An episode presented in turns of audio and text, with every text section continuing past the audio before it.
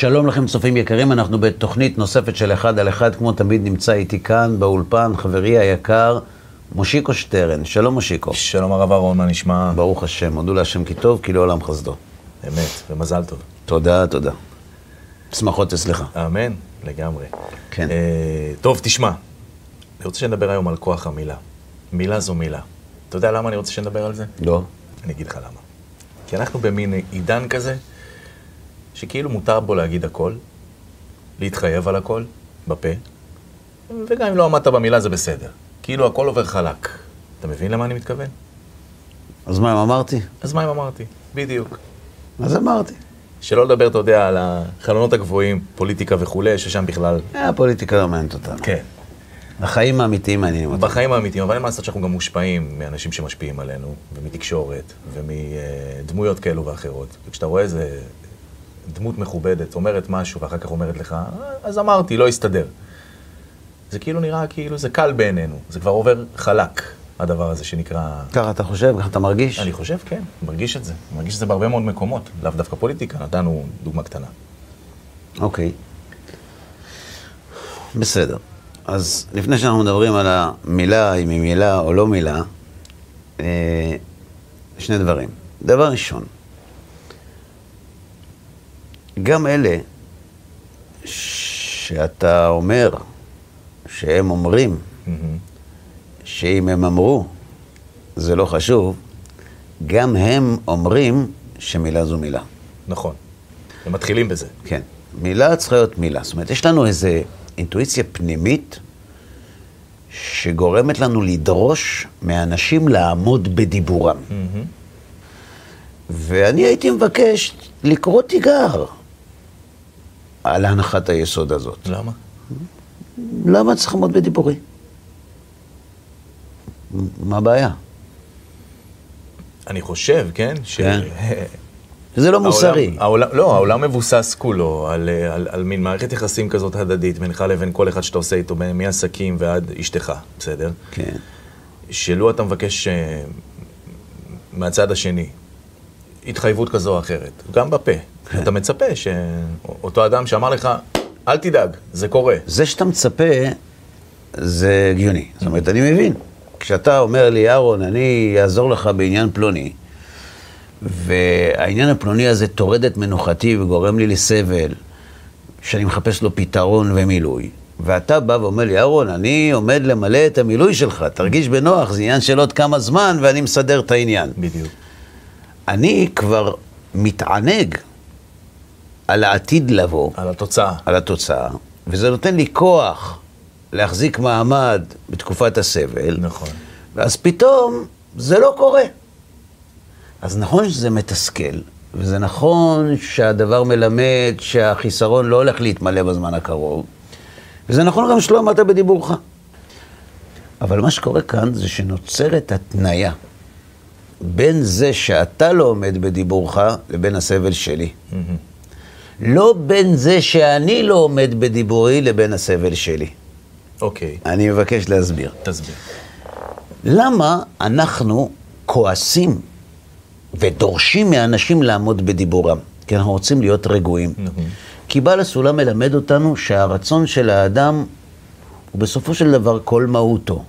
שאנחנו רוצים ליהנות, שיהיה לנו טוב בחיים, שנהיה מאושרים. ושהאושר הזה תלוי במידת היכולת שלנו לשלוט על מילוי החסרונות שלנו. כי כשחסר סובלים, וכשמלא נהנים. נכון.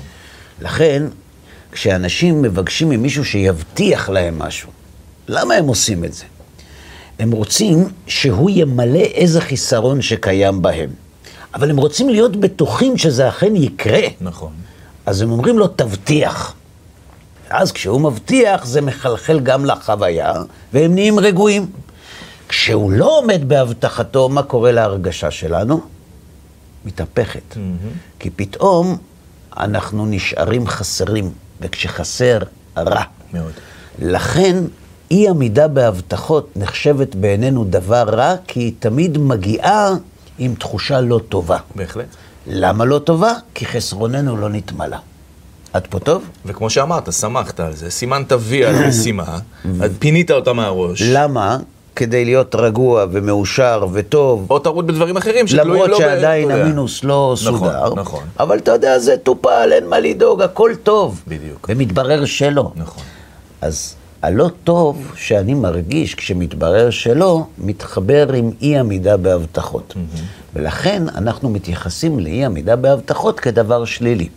והראיה, כשאני מבטיח לך, בדרך כלל זה גורם לי להיחסר ולך להתמלא.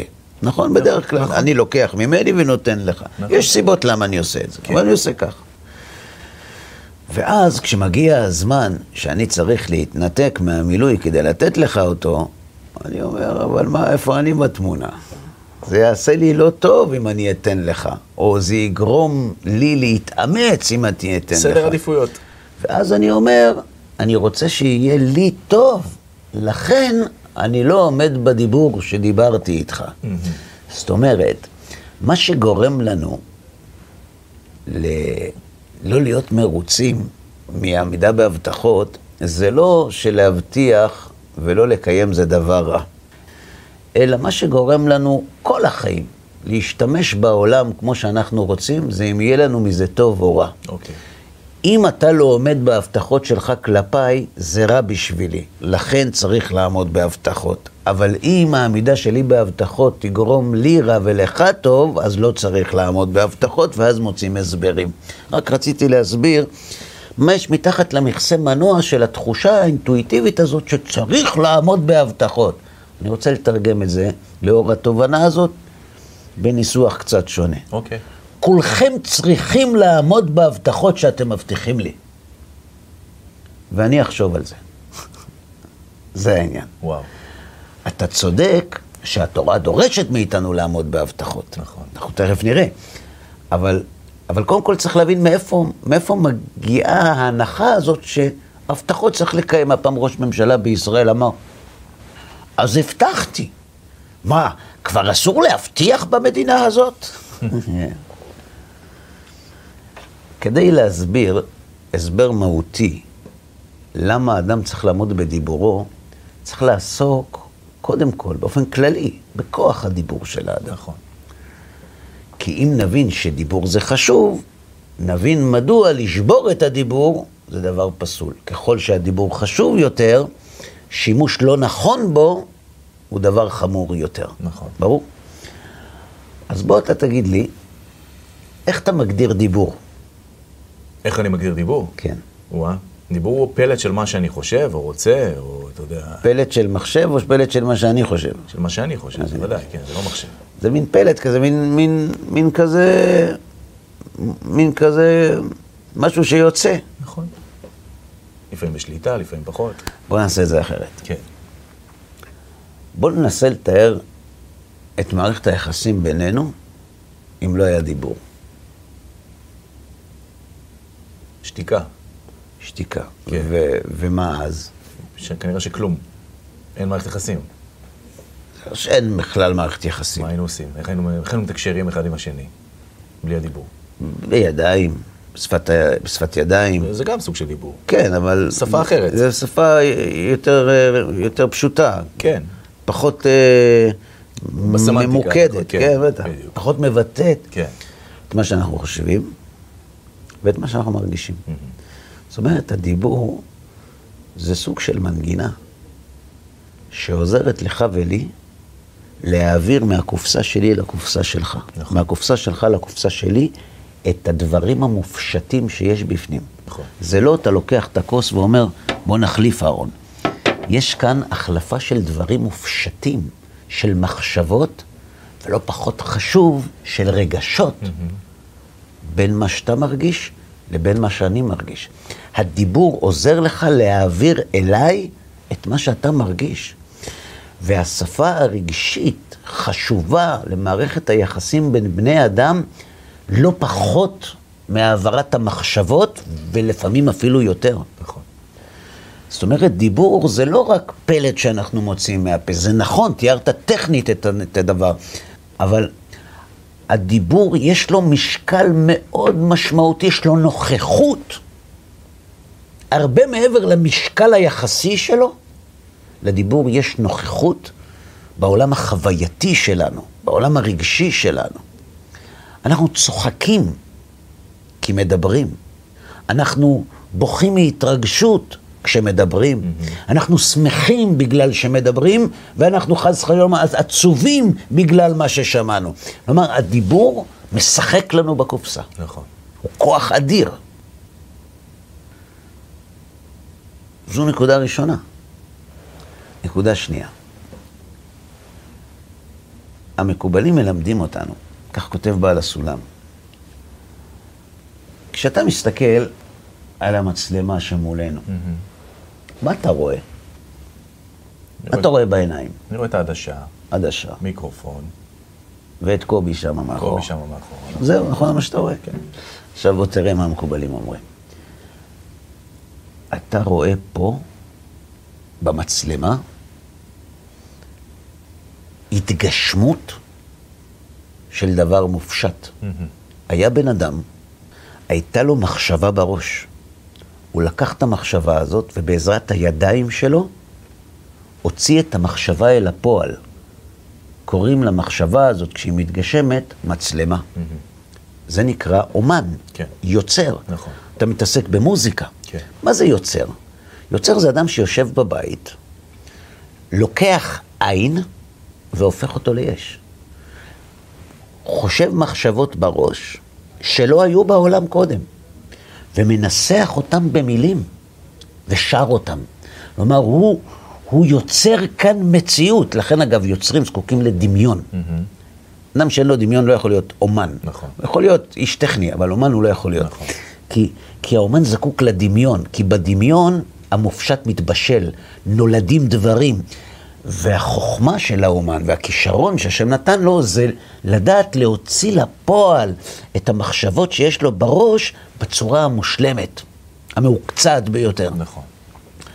זאת אומרת, המצלמה, יש בה את מחשבת הפועל בנפעל. Mm-hmm. הפועל זה היוצר, הנפעל זו המצלמה, ובתוך המצלמה, שהיא הנפעל, יש את מחשבת הפועל.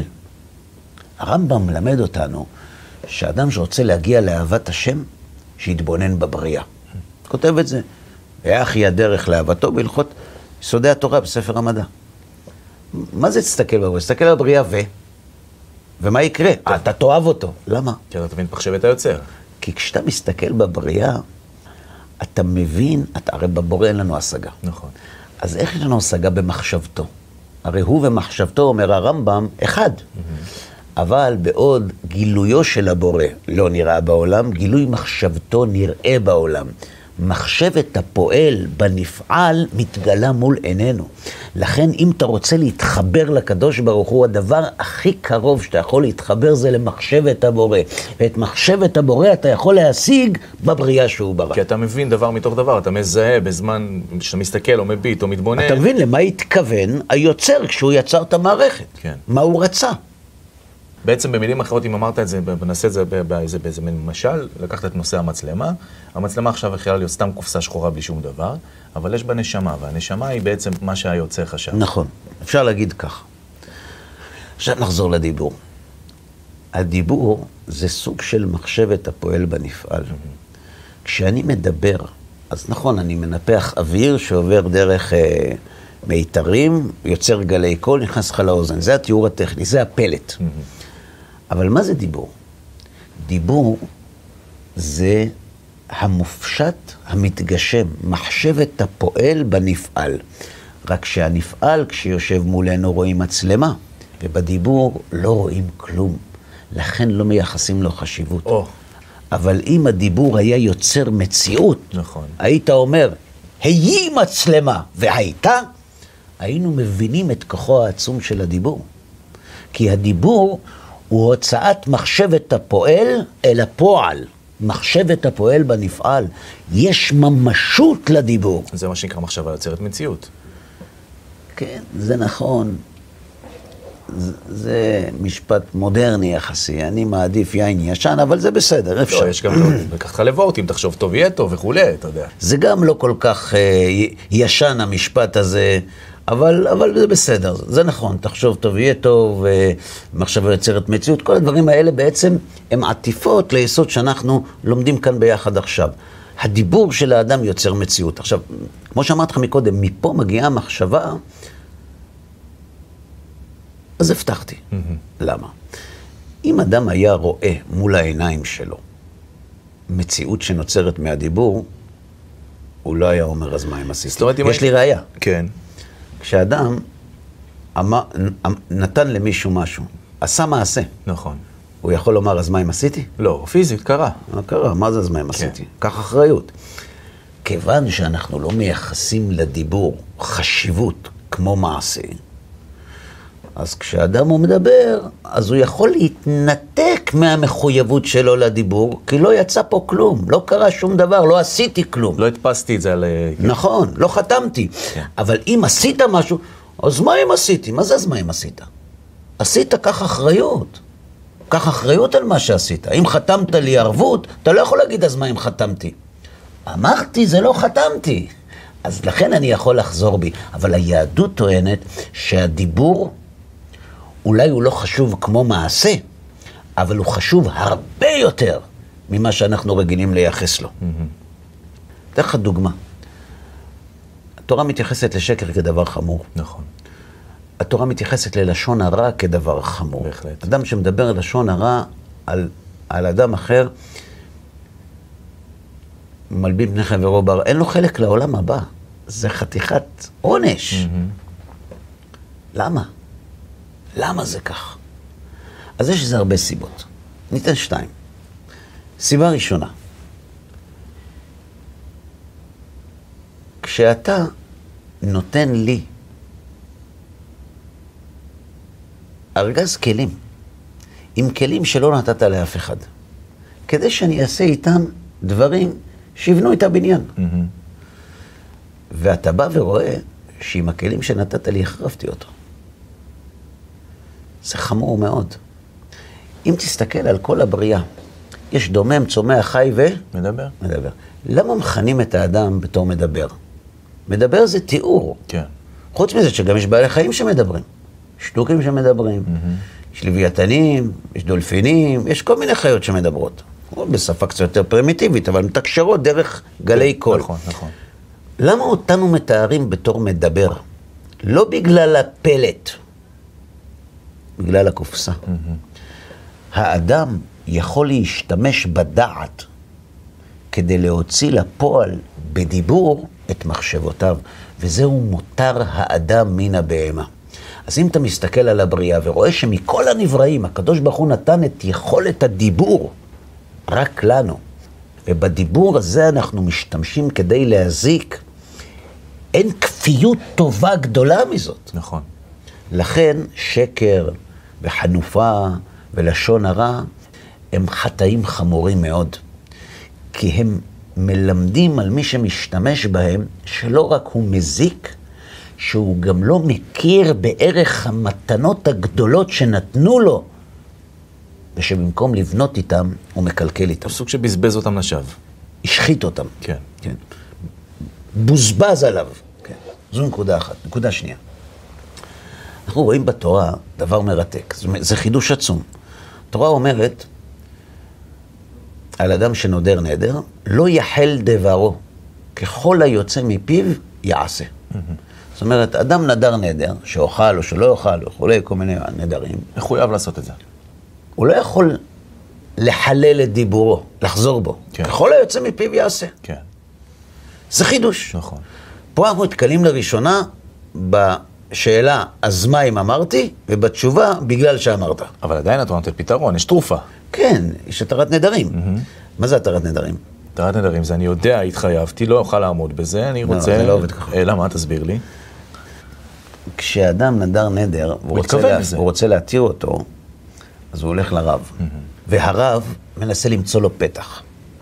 מה זה פתח? אומר לו הרב, תגיד,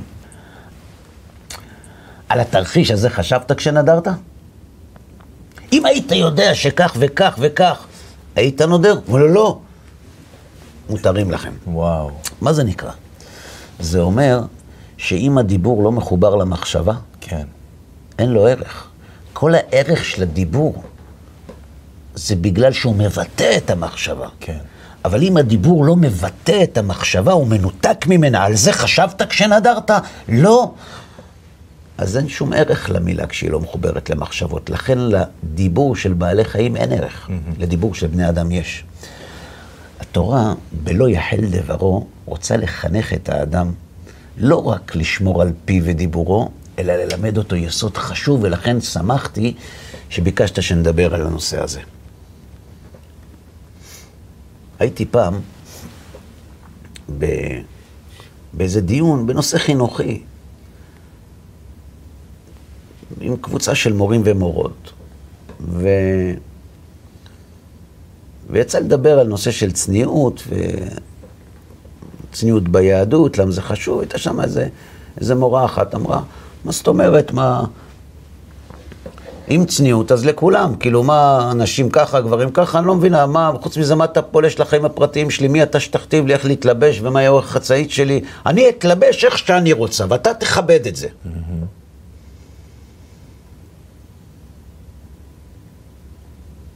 מה היית אומר לה? תמשיך שאת רוצה, ואני לא אסתכל על זה. טוב, בסדר. זה נכון. אמרתי לה, תראי גברתי, בואי נראה, יש בינינו ויכוח, יש לנו מרחק, אני רוצה לצמצם אותו. בואי נראה אם אנחנו כן מסכימים. את מסכימה איתי שלמרות שלבושו של האדם הוא עניינו הפרטי, לעניינו הפרטי של האדם בעניין לבוש יש השפעה גם על הציבור. Mm-hmm. ויש לכך ראיה, יש חוק במדינה. אסור ללכת בצורה... אדם לא יכול ללכת במקום ציבורי... אה, בלי בגדים. כמו בגן עדן. זאת אומרת, הוא לא יכול. כן. למה? כי הוא פוגע בדרך הזאת ברגשות של ובאמונות של אחרים. Mm-hmm. זה חוק, אפשר לבטל אותו, כרגע זה החוק. אגב, לא רק במרחב ציבורי זה החוק, גם במרחבים פחות ציבוריים החוק דומה. למשל, אתה יודע שיש קוד לבוש בצה"ל? בטח. אתה לא יכול לבוא עם גופייה, וגם לאורך החצאית אגב. ברור. יש, יש קוד לבוש. גם בבית המשפט יש קוד לבוש לפרקליטים. נכון. אתה יודע שבחברות תעופה יש קוד לבוש שמי שלא עומד בו, יש רשות לדיילים להוריד אותו מהטיסה, למרות שהוא שילם טבין ותקילים על הכרטיס. Mm-hmm. זאת אומרת, כל הקודים האלה, מה הם מלמדים? שיש פה השפעה על המרחב הציבורי. יפה, היה פעם מחאה של ילדות בבית נכון, ספר על זה. נכון. כולם מסכימים שלאיך שאתה מתלבש, יש השפעה על אחרים. הלבוש שלך מדבר, mm-hmm. הלבוש שלך מבטא משהו. נכון. והוא מבטא, כחלק מה, מהדברים שהוא מבטא, זה את היחס ואת הכבוד שיש לך לאחרים ולמקום שאתה נמצא בו. בית משפט זה מקום מכובד, צריך לכבד אותו. בית ספר לא, אז לכן לא, אבל, אבל, אבל, אבל, כלומר לשיטתם, אבל צריך לכבד. על זה אנחנו מסכימים? כן. אמרה לי כן. אמרתי לה, מצוין. עכשיו יש לי עוד שאלה. אז הגענו להסכמה עקרונית שאדם צריך להתחשב באחרים בלבוש שלו. בלבוש שלו. אז אנחנו מסכימים? עכשיו, כל הוויכוח בינינו זה סנטימטר לפה, סנטימטר לשם. נכון. זה שרוול כזה או שרוול... על זה הוויכוח. העיקרון מקובל על שנינו. מקובל עלייך? אמרה אין ברירה. כן, מקובל. יופי. עכשיו בואי תגידי לי איפה להציב את זה. בואי תגידי את. למה פה ולא פה? ואם פה, אז למה לא פה? ואם פה, אז למה לא פה? זאת אומרת, איפה נשים את תגידי לי. בחור בן 18 יכול להצביע לכנסת? בן 18. בוודאי. כן, כבר אסף מספיק יחידות שכל, הוא יכול להצביע לכנסת, בסדר? עכשיו, מה באשר לבחור שנולד באותו בית חולים, באותו, באותו יום? כמה שעות, שעתיים קודם, או אחרי חצות או לפני חצות. יכול להצביע או לא? לא. לא. תגידי לי, אני לא יודע כמה שכל צריך כדי להצביע לכנסת, אבל גם אם צריך, השעתיים האלה יטעינו את הסוללה, זאת אומרת, זה, זה מה שחסר בשביל להגיע ל-100 אחוז? לא. אז מה, אז תחליקי, תני לו גם. אז היא אומרת לי, זה דמגוגיה מה שאתה עושה עכשיו. אמרתי לה, למה? היא אומרת לי, כי תמיד כשאתה מציב גבול, זה שרירותי באיזשהו או, מקום. יפה. תמיד זה שרירותי באיזשהו מקום. אז עכשיו אתה מתחיל לשחק לי עם כל מיני תרחישים הזויים, ושעתיים לפני ושעתיים אחרי, וכמה שכל יהיה לו. אמרתי לה, נכון. אגב, את צודקת, זה גורלם של כל החוקים שאנחנו קובעים. את יודעת למה? כי אנחנו שמים את הגבול לא באמצע, אלא בקצה של האסור. עד איפה מותר. שלא אסור, נכון. מותר. נכון. והיהדות מלמדת שמי שרוצה לבנות את האישיות שלו, לפתח את כוחות הנפש שלו, לכבוש את יצרו, להכיר את הנפש שלו, לדעת איך היא עובדת, לא יכול לעשות את זה. אם אתה רוצה לא להגיע לפה, אתה צריך לשים את הגבול עמוק באזור האסור. Mm-hmm. או להפך, במקרה שלנו, למשוך את החצאית הרבה לעבר האזור המותר, כדי שגם אם תתרחש תקלה, לא תגיע לאזור האסור. כך היהדות מלמדת אותנו להתייחס לצווים המוסריים שלנו, הערכיים שלנו. לא ללכת עד גבול המותר ולהגיד מפה אסור. לתת מרווח. הדיבור זה המרווח הזה. תסביר לי את מה שאמרת. מה שחשבנו, מחייב כן. אותנו? לא. מה שעשינו? כן. איפה הגבול? הדיבור. למה? הבנתי מה אתה אומר. כי הדיבור, מצד אחד יש בו מעשה, מצד אחד אין בו. זה נכון שאמרתי, אבל לא עשיתי משהו. וכשאתה מלמד בן אדם שאת מה שהוא אומר הוא צריך לקיים, אתה מלמד אותו שאת האחריות מתחילים לקחת על מה שאמרת, mm-hmm. לא רק על מה שעשית. כי אם תאפשר לאדם לא לקחת אחריות על מה שהוא אמר, סופו שהוא גם לא ייקח אחריות על מה שהוא עשה. זאת אומרת שגם אנחנו יכולים ללמוד את זה נגיד אפילו מתוך התקופה הזאת והפרשות, ברגע שמשה רבנו מקבל הוראה לדבר, והוא בעצם עושה משהו אחר, אז הקדוש ברוך הוא מראה לו מה זה כוח הדיבור. נכון, נכון, נכון. אגב, חז"ל אומרים, יש סיפור מפורסם, מוות וחיים ביד הלשון. נכון. שהיה אחד, שהמלך היה חולה, נכון? סיפור מפורסם. אמר לו, אני אביא לך חלב, ואז כשהמלך התרפא, אז הוא אמר לו, איזה חלב הבאת לי? אז הוא אמר, במקום חלב לביאה, שהוא הבטיח שיביא, הבאת לך חלב כלבתה. אה, כלבתה, זה כלב, לא של זה, אני אהרוג אותך, שיקרת אותי. אני שואל אותך, מושיקו. נהיית בריא המלך, מה אתה... מה זה משנה? מה אכפת לך אם זה כלב או לביאה? מה זה משנה? שאלה ראשונה. שאלה שנייה, למה חז"ל השתמשו במשפט הזה כדי לומר שמוות וחיים הוא ביד הלשון? זה סיפור כל כך, אה, כאילו, כן. מוות וחיים ביד הלשון. אה, אז לקחו איזו סיטואציה קיצונית שבה כלבת הלוויה, זה... חז"ל רוצים ללמד אותנו יסוד. אתה יודע למה הדיבור חשוב? הוא מפליל אותך. אנשים, אנחנו, לא תמיד יודעים שהרבה מאוד מהדברים שעוברים על האדם בחיים, ולא הדברים לטובה, לא היו צריכים לקרות בגלל מה שהוא עשה. כי הוא לא עשה רע, הוא דיבר רע. כשאומר יעקב אבינו ללבן, מי שגנב את אלוהיך לא יחיה, רחל מתה. ולכן כשיוסף הצדיק בא לבקר את אביו החולה לפני מותו במצרים, הוא מספר לו שרחל נפטרה בדרך. אתה יודע למה? כי הוא אומר לו, אני לא יודע מה קרה ואיך הגעת למצרים, כאילו אתה סיפרת לי ולא אחים שלך. אני מעריך. אתה יודע, זה קצת... רגע. כן. אני מעריך. אני מעריך איך זה קרה. ותדע לך שטוב שלא סיפרת לי. כי כוח הדיבור הוא מסוכן מאוד, ואם היית מספר לי, אפשר שהייתי כועס עליהם ואומר להם דברים חמורים, ואימא שלך נפטרה בדיוק בגלל זה. כוח הדיבור שלנו הוא קובע את עתידנו. הרבה יותר מזה אפילו. כשאדם מדבר, הוא גורם למציאות להשתנות ולשמש עבורו זירה כדי לראות איך הוא מתנהג בתרחיש שעליו הוא דיבר. Mm-hmm. אתה דיברת על פלוני שעשה ככה וככה וככה וככה. והנה זה קורה עכשיו. נראה אותך, כן. איך אתה תדבר ואיך אתה תתנהג כשזה יקרה לך, חס ושלום. הגמרא מספרת שירבעם, שפילג את המלכות, זכה למלוך, כי הוא הוכיח את מלך יהודה. ולמה הוא נדחה? כי הוא הוכיח אותו ברבים. זאת אומרת, התוכחה הייתה נכונה. רק איך הוא עשה את זה? עשה את זה ברבים. בסדר, מה ברבים? מה לעשות? אין מה לעשות, צריך להוכיח ברבים. הוכיח ברבים, בשביל זה נדחה. הסבר הוא כזה. הוא אמר למלך, אתה שם מוכסים בדרך לבית המקדש כדי לגבות כסף מאנשים?